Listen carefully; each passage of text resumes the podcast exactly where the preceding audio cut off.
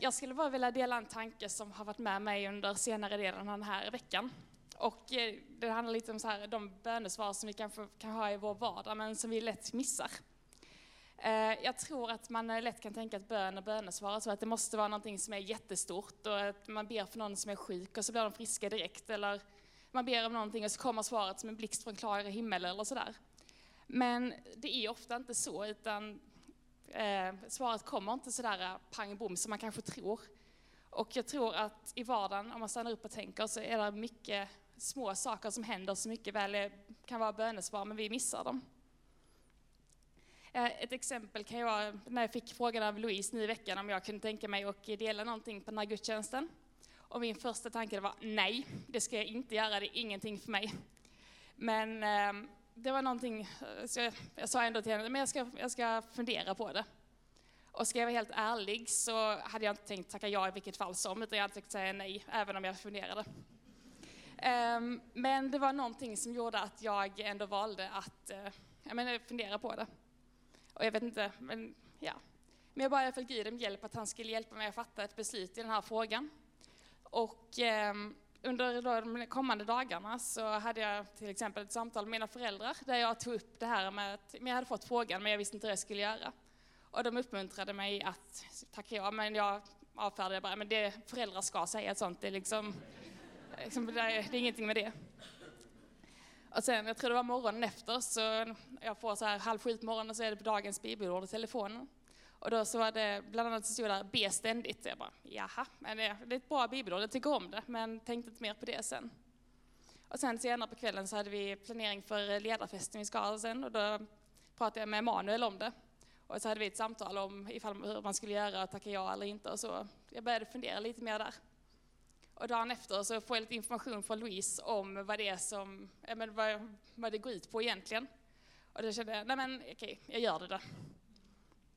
Och eh, allt det här, de, jag avfärdade bara det som tillfälligheter i vardagen. Men i efterhand sen när jag, tänkte, stannade upp och tänkte efter så slog det mig att ja, men det här var ju fakt det var nog liksom, det var bönesvar från Gud. Att det var så här han tänkte visa för mig att du ska ställa dig där och jag har någonting som du kan säga faktiskt. Och alltså, nu menar jag inte att det behöver vara en fråga eller så här, som man behöver få svar i eller få hjälp att få svar med, utan det kan lika gärna vara att man hinner med tåget en dag när man är stressad eller man kan av en slump träffa på någon på stan som man tänkt länge på men inte tagit kontakten med, eller man klarar en tenta man är orolig för. Allt det här tror jag är tillfälligheter som man kanske kan se i vardagen, men eh, man kanske inte tänker på att det är de bönesvaren som man själv vill ha. Men eh, om man stannar upp och tänker efter så tror jag att det är mer som händer i vardagen än vad man kanske tänker på.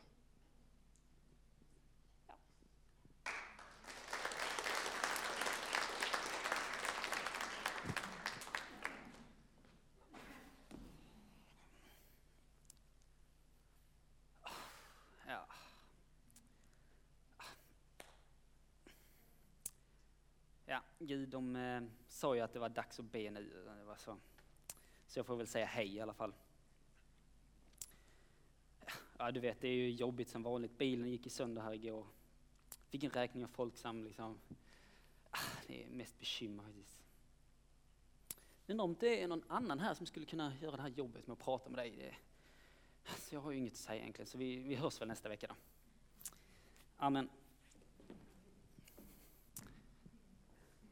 Ungefär så där kan det låta när all motivation har liksom blåst sin väg och försvunnit. Och det enda som blir kvar liksom, det är den här eh, själv, självcentreringen. I alla fall i mitt böneliv. Liksom. Och jag heter Fredrik och eh, tänkte prata om eh, hur man kan få en livlina i den här situationen. När man sitter inböjd i sig själv. För jag har fått känner jag i alla fall, en livlina från det här hålet upp. Och det är kroppsspråket. Eh, tidigare så eh, hade jag en, eh, vad ska jag säga, blivit präglad av en eh, del i bergspredikan, tror jag. Eh, bergspredikan är ett avsnitt i Matteusevangeliet som pratar mycket till oss i klartext från Jesus.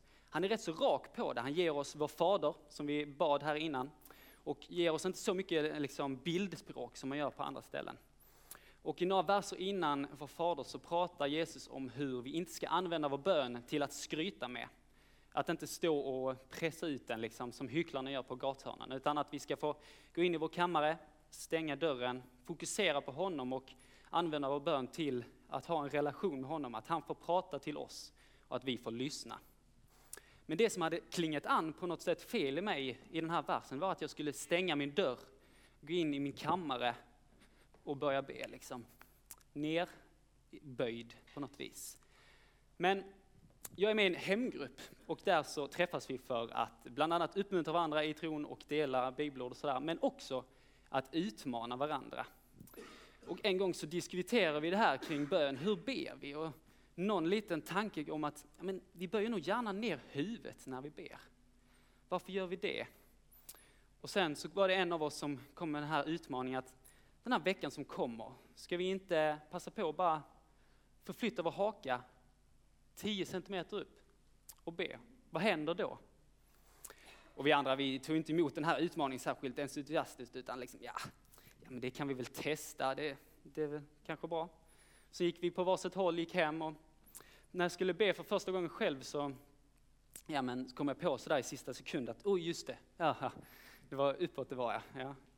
Och börjar liksom be, tänka att det är väl inget speciellt, men blir efter någon minut chockad över vad jag ber. Det är ord som jag aldrig tagit i min mun och känt äkta innan. Plötsligt så får jag stå och blicka upp mot kungars kung och herras herre, han som sitter på tronen, han som är värd all vår pris. Och efter ett eller några minuter så är båda mina händer med liksom. Och sen så avbryts jag på något sätt i att, oh tjena, här står jag med händerna uppe, svettfläckar under armarna och liksom, tänk om grannen ser mig, det är ju, det är ju, det här var inte bra. Det kändes ju jobbigt. Men där blev det så tydligt den veckan att jag får ha mitt kroppsspråk som en livlina ner till mig själv. För att min, kanske bara min haka får vägleda min tanke som sedan får falla ner i mitt hjärta och bli någonting som jag är övertygad om. Men då kan man ju tycka så här, är det inte eh, att vara lite hycklare då? Alltså att göra en rörelse som faktiskt inte känns bekväm. Liksom det här, ah, jag brukar ju, vara mycket skönare att sitta lite liksom böjd sådär.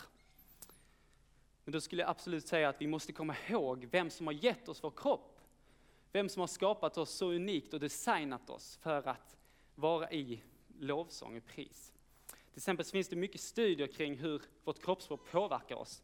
Om vi två minuter ställer oss i en position som eh, visar lite liksom, trygghet och eh, så här, att vi öppnar oss. På två minuter så sjunker vårt eh, stresshormon kortisol med 25 procent. Om vi en nedsämd dag tar oss och tvingar ut våra mingipor så, så att vi ser glada ut. Efter någon minut så är vi glada.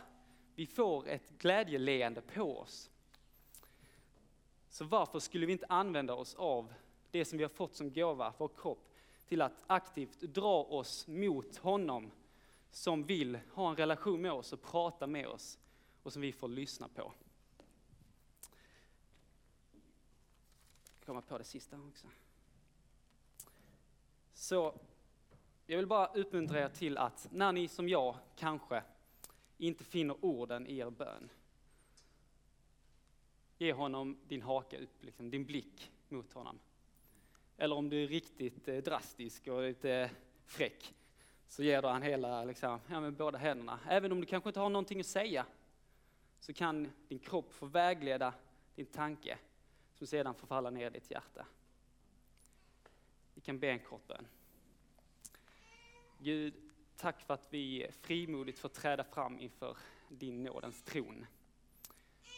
För att vi inte behöver göra oss några bekymmer när vi ber till dig, utan vi får komma med våra önskningar och våra förhoppningar till dig. Jag ber om att du ska komma med din frid över dem som vi speciellt tänker på nu. Och kom med ditt beskydd över vår kropp, över våra tankar och över våra hjärtan. Amen.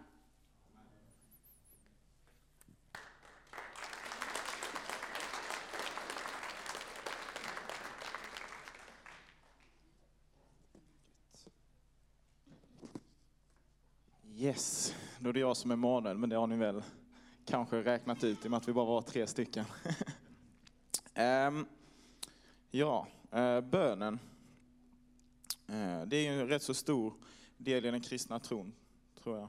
Um, det är ju ändå på något sätt att vi får en relation med Gud och får prata med honom om vad som helst.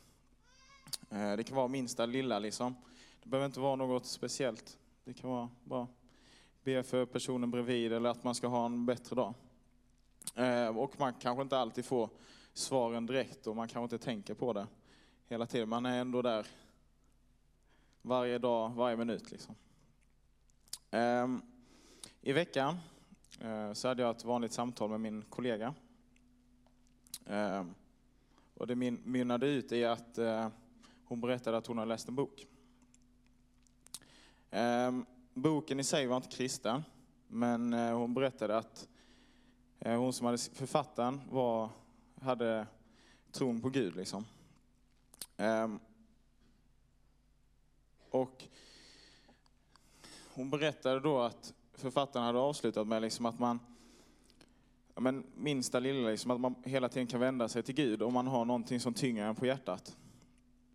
Ehm, och då tänkte jag direkt, wow liksom. Eh, min kollega hon vet att jag är kristen, hon vet att jag går hit till denna församlingen. Ehm, och jag blev verkligen glad att hon ville lyfta denna frågan med mig. Ehm, för jag tror att Gud är verkligen med en hela tiden. Ehm, och man kan verkligen lägga vad som än som tynger, eh, som tynger dig. Liksom.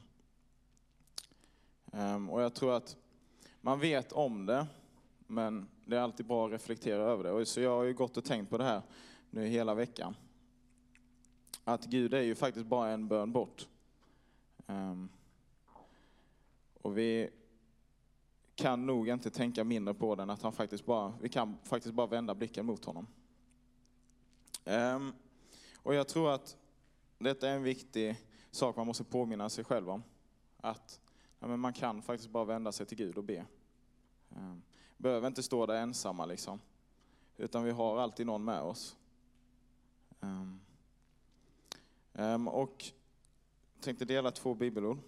För i Filipperbrevet 4 6-7 eh, så står det, eh, gör er inga bekymmer, utan när ni åkallar och ber, tacka då Gud och låt honom få veta alla era önskningar. Då ska Guds frid, som är mera värd än allt vi tänker, ge era hjärtan och era tankar skydd i Kristus. Han kommer alltså skydda oss oavsett vad. Han kommer hålla sin hand över oss och ja, hela tiden vara med oss. Ehm, och i Matteus evangeliet 7, 7-8 ehm, så står det, be så ska ni få, sök så ska ni finna, bulta så ska dörren öppnas. Det är så sjukt mäktigt. För att vi, vi kan bara be till honom när som helst. Det kan vara här, det kan vara på jobbet, det kan vara i skolan. Liksom. Vi kan hela tiden ha en relation med honom. Och han vill vara där för oss. Um. Mm. Och jag tror att det är väldigt viktigt att påminna oss själva i det här att han är så pass nära.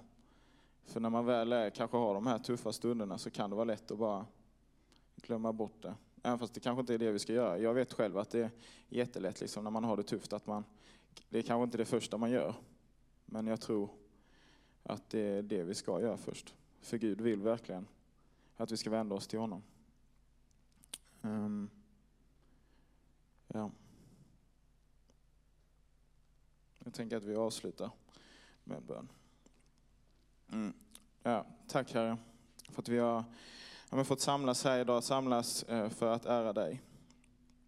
Jag tackar dig för att vi, vi hela tiden har dig med oss och att vi hela tiden kan vända oss till dig. Eh, stort som litet, Herre. Eh, vi kan be till dig om vi, vi kan bara ha en öppen kommunikation här. När vi bara kan be om, be när vi behöver hjälp, tacka dig för saker eller bara allmänt prata med dig. Här. Jag ber dig att vi ska göra det ännu mer. Att det ska vara det första vi tänker på, att nej, men vi kan vända oss till Gud. Här. Vi kan vända oss till dig och att du kommer vara med oss och hjälpa oss i det. Mm. Jag lägger fortsatt denna gudstjänsten i dina händer. I ditt hela namn. Amen.